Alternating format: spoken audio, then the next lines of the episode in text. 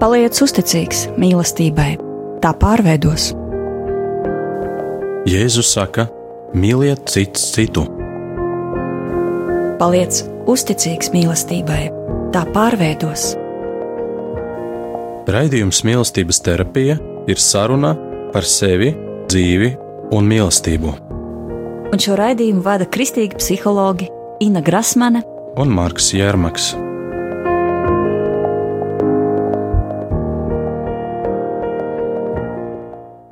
Labvakar, mīļie radioklausītāji! Labvakar! Šodien mūsu tēma, turpinot sarunu par laulību, ir bērns, kas atspoguļo tukšumu laulāto starpā. Par to, ka mūsu bērni ļoti bieži ir tiešām kā atspulgs tam problēmām, kas ģimene pastāv un uh, kas varbūt netiek izceltas, par kurām netiek runāts. Šodien parunāsim par tiem mehānismiem un par iespējamiem veidiem, kā var palīdzēt sev, savai ģimenei. Un es vēlos sākt ar tādām trīs epizodēm, trīs dažādiem piemēriem. Viens ir gadījums, kad kāda jauna sieviete, aptuveni piecus gadus laulībā, stāsta par to, ka nu, viņu ļoti uztrauc tas, ka dēlam, četrgadniekam, ir tāda uzbāzīga, uzmācīga vēlme masturbēt, un ka viņš to dara pat nu, nekautrēties no citiem cilvēkiem, pat publiski, un tas, tas viņu uztrauc, un tas izraisa lielu kaunu. Un vai tas ir normāli, vai tas ir veselīgi, nu tās bažas varbūt daudziem vecākiem ir pazīstamas. Un tādā turpmākā sarunā ātri vien noskaidrojas, ka šī sieva tiek sista regulāri. To dara vīrs, bērna tēvs, un bērns to regulāri redz un zina. Pat ja viņš neredzētu nu, bērns nevar nejust, ka kaut kas tāds mājās notiek.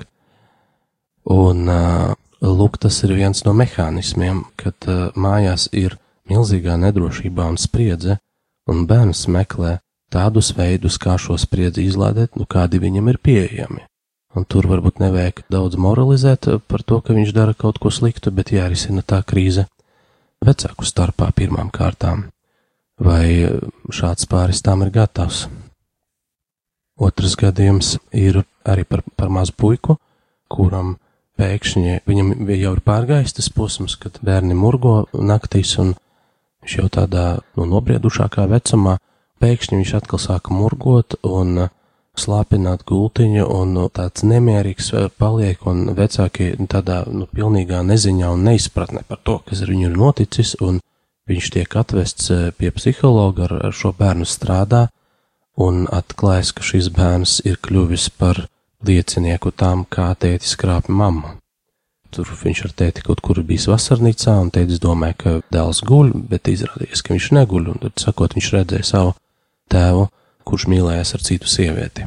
Un, protams, par to pēc tam nekas netika runāts. Tā vieta runāja bērnu slimībām.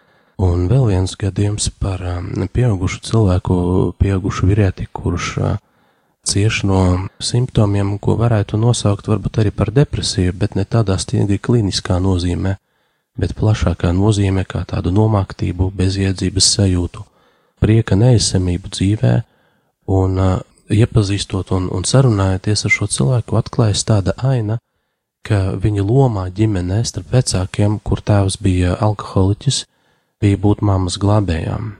Šī loma arī daudziem no mums ir pazīstama Jā, tevs nav mājās, visi uztraucās, kāds viņš atgriezīsies, viņš būs skaidrā, vai viņš būs piedzeries, viņš būs mīļš, vai viņš būs agresīvs, viņš samīļos vai uzbruks, un tad tēvs atgriežas, tad, tad ir skandāls, tad mamma raud, tad vecāki lamājas, tad viņi kaujas, mamma pārdzīvo, un dēlam ir jānāk māmu mierināt. Un uh, ar laiku šis pieaudzis cilvēks, viņš vairs sen nedzīvo šajā ģimenes sistēmā, bet viņš nes to pieredzi sevi un tos veidus, kā pielāgoties dzīvei, un viņš atklāja, ka viņā pastāv milzīgs iekšējs aizliegums priecāties, jo viņa vecāki ir nelaimīgi cilvēki, jo viņa vecāki aizvien cieš.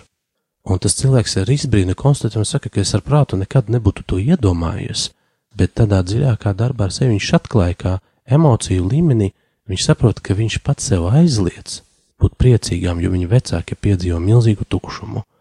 Un bērns, pat pieaudzis bērns, nu, viņš ir gatavs maksāt ļoti augstu cenu par to, lai paliktu lojālam ģimenei un lojālam tam vērtībām un tiem ieradumiem, kas pastāv ģimenē, pat ja šie ieradumi ir graujoši.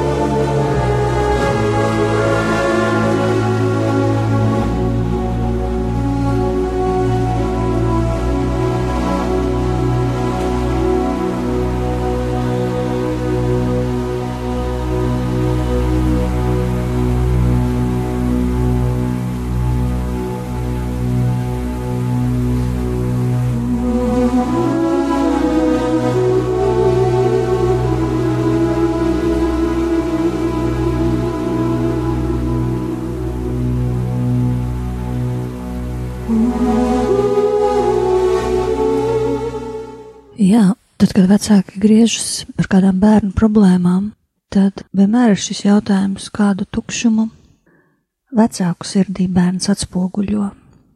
Bērni ļoti saistīti ar mums. Pats par sevi tukšums ir ļoti sāpīga izjūta, kuru raksturo tādas pārliecības, ka nekam nav jēgas, ka nav iespējams atrast savu vietu dzīvē, kad man nav manas vietas, ka visi citi ir labāki.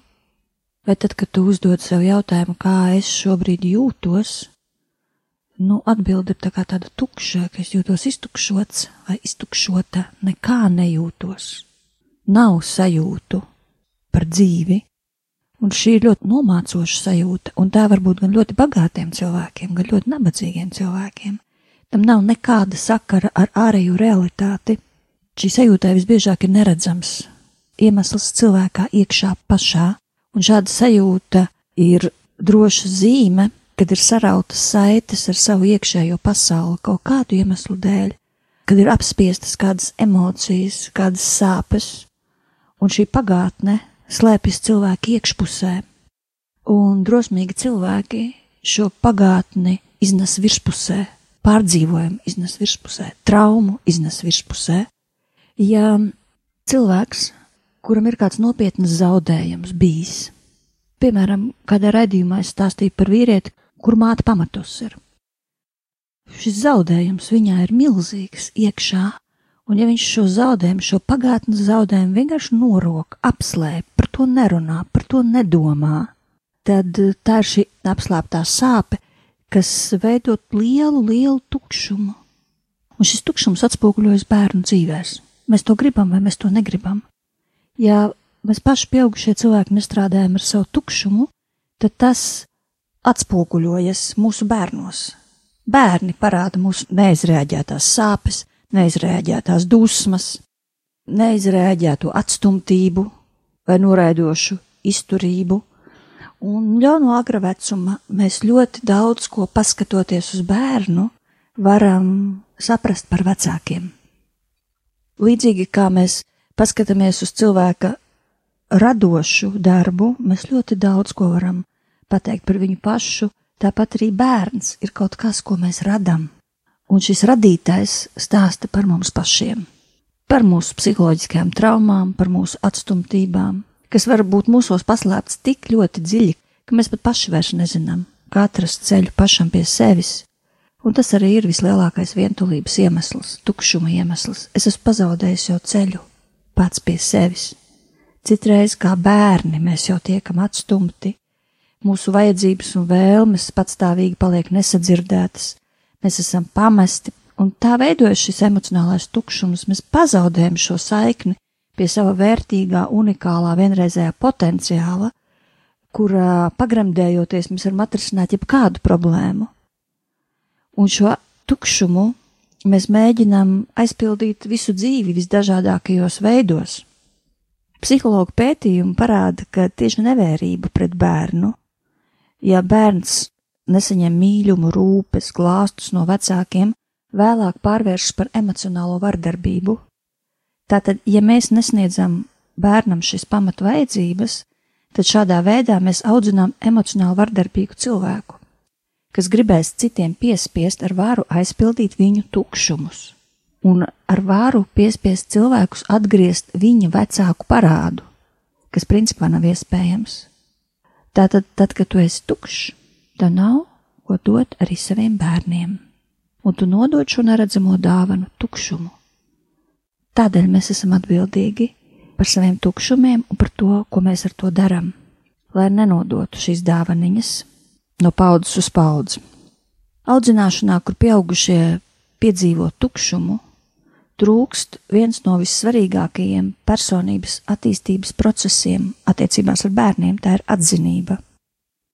Tukšs cilvēks nevar atzīt otru, jo tu pats esi ļoti neatzīts ar savu tukšumu, tu esi tukšs. Un ceļojums pretī šai pašpaļāvībai, savu izjūtu izpratnēji un sekošanai tām sākas tad, kad cilvēks pats pieņem mīlestības lēmumu attiecībā pret sevi un nolēmīja palīdzēt pats sev. Un tad lēnām tu ar mīlestību sāc izturēties arī pret savām bērnu emocijām un iemāci viņam tās vadīt. Caur to tu atzīsti bērnu, bet tu vispirms esi atzinis pats sevi, un atzīšana sākas ar to, ka tu atzīsti savu tukšumu Un šāds atzinības process piešķir spēju uzskatīt savas personiskās vajadzības par svarīgām, piešķir nozīmīgumu bērna attiecībām ar apkārtējo pasauli, un tādā veidā cilvēks sāk izziņas ceļojumu pretī izpratnē par sevi. Lai arī cik liels būtu tavs iekšējais tukšums, nebeidz no sevis. Tieši šajā bēgšanā daudz problēmas sākās, tavas dzīves problēmas ja tu nofokusējies uz tukšumu aizpildīšanu ar atvaļinājumiem, ar ceļojumiem, ar sapņiem, kaļot grandiozus plānus. Un cits veids, kā aizpildīt savu tukšumu, ir bērni, un tomēr neviens nevar aizpildīt. Ne tu pats ar šādām darbībām, ne bērni var aizpildīt tavus tukšumus. Vislabākais risinājums, kā ārstēt savu tukšumu, ir iesaistīties attiecībās ar sevi, uzsākt dot sev vai kādam citam to, kā tev nekad nav bijis. Un tā pamazām veidosies attiecības ar sevi un citiem cilvēkiem, kas sniegs prieku, jēgu un ārstēs tavus tukšumus. Manas pašas pieredze ir tāda, ka es savu tukšumu, ko bērnības gadi bija atstājuši, ārstēju ar to, ka devu bērniem to, ko man vienkārši neviens nekad nav devis. Un tādā veidā lēnām, dienu no dienas, caur šo kalpošanu bērniem Dievs atjaunoja manu kodolu un tās taciņas pašai pie sevis.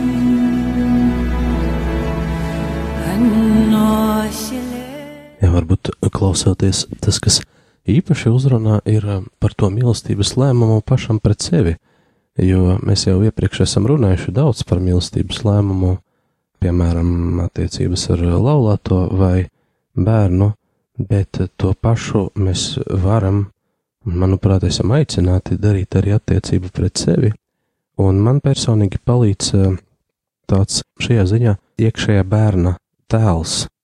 Protams, cilvēka psihe ir ļoti sarežģīta, un mēs tikai nosacīti varam to sadalīt kaut kādās daļās, bet neapšaubāmi, ka pastāv kaut kāds līmenis, kur ir tā mūsu bērnības pieredze, tāda sagrino gadu pieredze, un mēs to varam saukt par iekšējo bērnu. Un man šī iekšējā bērna tēls ļoti palīdz. Piemēram, tiem cilvēkiem, kuriem ir labs kontakts ar savu iztēli, var vizualizēt, kāds ir mans iekšējais bērns. Ja es tā apsēžos un, un klusumā bišķiņ, nu, mēģinu veltīt laiku šim bērnam, tad ko es ieraugu? Vai tas bērns ir, varbūt ir ieslēgts kaut kādā pagrabā, varbūt tas bērns priecīgs spēlējās ar citiem bērniem, varbūt tas bērns ir norūpējies, varbūt es nespēju šo bērnu iztēloties, un es redzu tikai, nezinu, kaut kādu tumsu, piemēram, ja nespēju iet kontaktā. Un caur šādu vizualizāciju var ieraudzīt no to, kas sāp tam bērnam, kas sāp tai bērnišķai daļai musos, jo tā daļa, kas ilgojas pēc tās mīlestības un kurai šīs mīlestības lēmums ir vajadzīgs, tas ir tas iekšējais bērns, kas ir ievainots, kurā ir palikuši mm, šie tukšumi, ko no ārpuses nav iespējams tiešām piepildīt. Un nu, var visu mūžu dzīties pēc tā, lai to piepildītu, un tas sagādā vilšanos parasti. Un, ja es esmu kontaktā ar šo iekšējo bērnu, es varu laiku pa laikam sev uzdot jautājumu, kā jūtas mans iekšējais bērns. Kas ar viņu notiek tagad?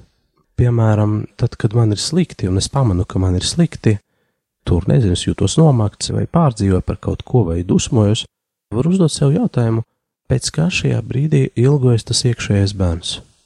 Ja tas būtu reāls bērns, fiziskā izpratnē, tad kas viņam būtu nepieciešams?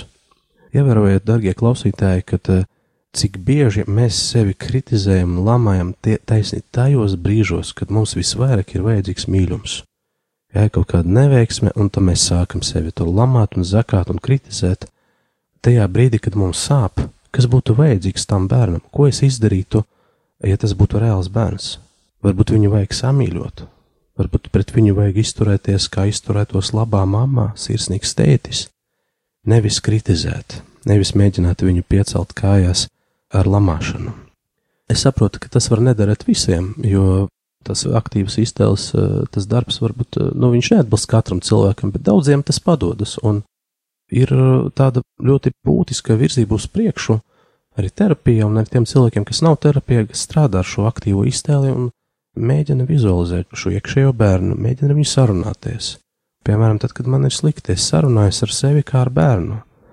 Es mierinu sevi, nevis kritizēju tā varbūt tāda praktiskā lieta, ko var mēģināt darīt. Un ir tādi dažādi sabiedrības aizspriedumi, kas mums eh, palīdz nonākt šajos tukšumos. Arī pirms sabiedrībā ir uzskats, kāds cilvēks ir skaists, ka skaisti ir tikai dievi, jauni, ka skaisti ir tikai tie cilvēki, kuriem ir kaut kādas tādas noteiktas lietas, viņam kaut kas pieder, Un beigās no, mēs nonākam pie tā, ka barojam savu pašcieņu tikai no ārpuses. Tātad, ja man tas pieder, tad es esmu skaists, tad es esmu vērtīgs. Mēs tiecamies sasniegt vispužāko karjeru, ģērbt tur visšikākās drēbes, tēlot, ka mums ir visskaistākās attiecības, un tas viss ražo milzīgu iekšējo tukšumu. Jo patiesībā tu mūc no tās realitātes, kurā tu esi, gļēvi mūc, un izšķied savu dzīvi sekojot tādām ārējām, spīdīgām lietiņām, kas nenes laimi, kas tiešām nenes laimi. Un es kā terapeits esmu konsultējis ļoti bagātus cilvēkus, un arī ļoti nabadzīgus cilvēkus, un sapratusi, ka tas noteikti nav tas, kas atnes laimi. Laime atnes tava iekšējā izjūta pašam ar sevi, un līdz ar to ar citiem cilvēkiem, vai mēs varētu teikt pašapziņa, vērtības apzināšanās, savas dzīves jēgas izziņa, tas ir tas, kas cilvēku dara laimīgu un piepilda viņa tukšumus, piepilda tukšumus ar pilnvērtības izjūtu, ar laimi, ar ticību tas, ka es varu sasniegt visu to, ko es gribu, sasniegt no iekšienes, ko es gribu, ka es esmu kontaktā ar to galu galā, ko es gribu, savu aicinājumu. Labs veids, kā tu vari noteikt šo, šo savu pašnovērtējuma stāvokli, ir tā, ka tu vienkārši iztēlojies sevi pilnīgi bez nekā. Un tad uzdod sev jautājumu, vai es joprojām sevi respektēju, izņem sevi no ģimenes, no tās mājas, no visa, kas tev ir, no savas profesijas, vienkārši nostādi tuksnesī sevi savā arī iztēlē. Un paskaties uz sevi, vai tu cieni šo cilvēku, vai tu respektē viņu, vai tu viņu lolo, vai tu paļaujies uz šo cilvēku ārpus šī visa. Un, ja tu vari atbildēt ar jā, tad uh, tu jūti saikni ar savu iekšējo šo brīnišķīgo dzīvības spēku, kas ir ļoti netverams un vienlaikus ļoti drošs balsts, jo tu vari, un ar to pietiek. Savukārt, ja tev liekas, ka šis cilvēks bez nekā ir niecība, tad tas stāsta par tavu attieksmi pašam pret sevi, un tad ir svarīgi spērt soļus pretī dvēseles dziedināšanai. Un, laikam, pirmais solis, uz ko es aicinu cilvēkam, būt tam, kas viņš ir būt tādam, kāds viņš ir. Tas ir vislielākais izaicinājums mūsu dienas sabiedrībā, jo mums ļoti gribas salīdzināt sevi ar citiem. Bet e, palikt pie šīs vēsts, ko var nodot tikai un vienīgi tava dvēsele, pie savas unikālās vēsts, tas ir tas, kas tev atnesīs veiksmi dzīvēm. Lūkšanas noteikti palīdz e, savienoties ar sevi. Dievs noteikti ir pirmais palīgs, ja tu gribi atrast sevi ļoti labs veids, kā meklēt kontaktu ar sevi, ir dienas grāmatas rakstīšanas. Gan izsakot sev pateicību un atzinību, sakot sev labus vārdus rakstiskā formā, dot sev to, varbūt, ko tev citi nav iedevuši agrākā bērnībā, bet tu arī vari uzrakstīt savus sajūtas, tu vari uzrakstīt savus mērķus, kā tu uz tiem virzies, to, kā tu trenējies koncentrēties uz šo brīdi, ko tu sajūti šobrīd, šeit un tagad. Mēs ļoti bieži esam vairāk pagātnē, vairāk nākotnē un paskrienam garām šai izdevībai, šeit, šajā mirklī. Atgādini tev, ka tev pa īstam pieder tikai šis dzīves brīdis, un beidz satraukties par nākotni un rakņāties pagātnē, pieņem šo izaicinājumu izjust.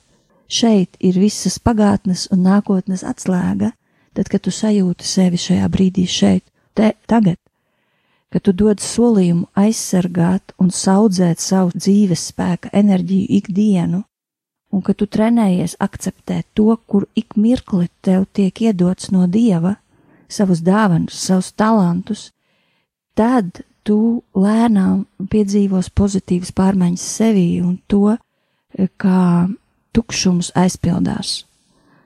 Ja tu katru rītu meklē pozitīvo par sevi. Ka tu vari pateikt skaļi, pasludināt sev, es uzticos savām sajūtām.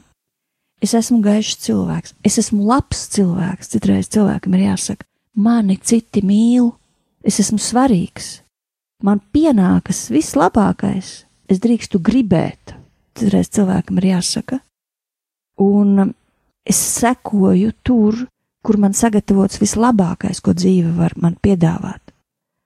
Es dzīvoju veselīgā saskaņā ar sevi.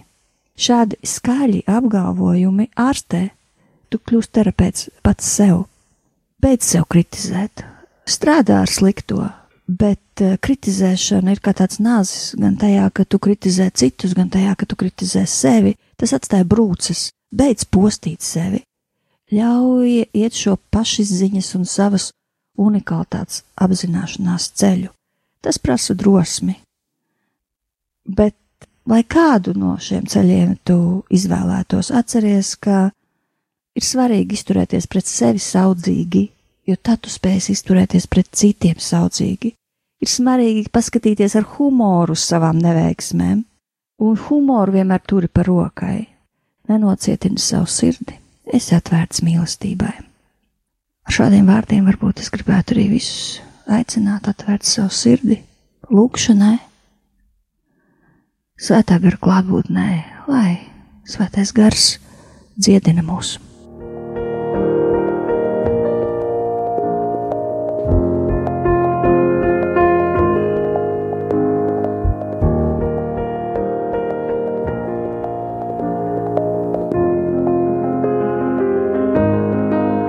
Mīļais debesu Tēvs, mēs šovakar gribam nostāties Tavā priekšā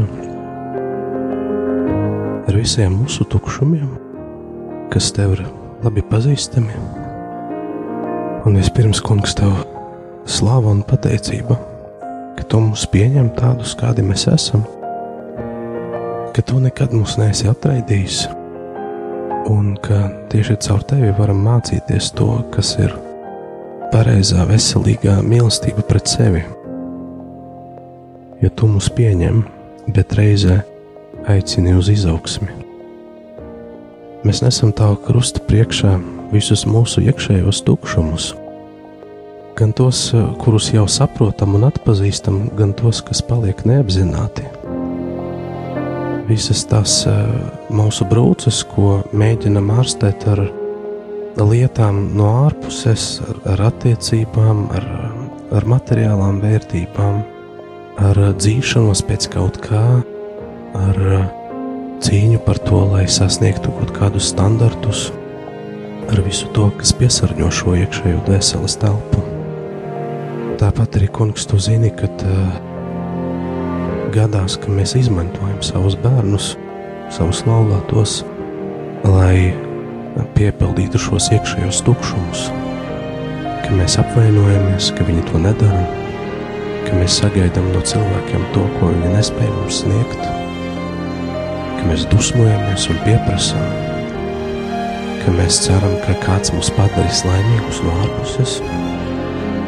Par to visu šodien gribam lūgt piedošanu un arī tādu tavu vadību un gaismu dziļākai izpratnē par sevi un par to, kā mums trūkst un pēc kā mēs patiesībā ilgojamies. Un es lūdzu Tev, Svētā gara gaismu par katru vajadzību, kas nav nosaukta vārdā, kurai trūkst vārdu, jo nav paradumu runāt par sevi, ka Tu, kungs, dod šos vārdus. Tāpat lūdzu par katru sāpi, kas sāp un trūkst vārdu, kā to nosaukt ka bieži vien nevar saprast, kas sāp un kā sāp, kāpēc sāp. Nāc kungs ar savu gaismu un dod žēlstību meklēt īstos vārdus un to visu izcelt gaismā, kā tu esi mūs aicinājis, ka mēs varam iestāties lūgšanā viens par otru. Izgaismo kungs arī mūsu bērnu ciešanas, kā caur to mēs varam ieraudzīt savējās un visi kopā iet šo atvesaļošanās ceļu. Ja es lūdzu, kungs, ka tu paņem pie krusta visu to kritiku, ar kādu mēs vēršamies paši pret sevi, netaisnīgu kritiku, tādu negatīvismu, ka mēs vairāk sevi apstiprinām negatīvi, kā ticības piepildīti, atgriezt šo ticību sev, savam iekšējam potenciālam, savai būtībai, savai unikalitātei, savai vērtībai, šim traukam, kas mūsos ir piepildīts ar ļoti spēcīgu dievišķu enerģiju, ka mēs varētu no tā paši pasmelties un tavā spēkā, kungs, padarīt lietas, kas mums dzīvē jāpadara. Un pār visam es lūdzu tādu vērtību hierarhiju, ka mēs saprotam, kas ir būtiskākais. Būtiskākais ir atrast tevi sevī, ka būtiskākais ir iemācīties mīlēt sevi šo mazo bērnu sevī, savus talantus, savu aicinājumu un mīlēt citus, pārējais tiks piemests. Svētīt Tēvs mūsu katru šajā ceļā ar tām svētā gara dāvanām, kas mums ir nepieciešamas. To visu mēs lūdzam Dieva Tēva, Dēla un Svētā gara vārdā. Amen!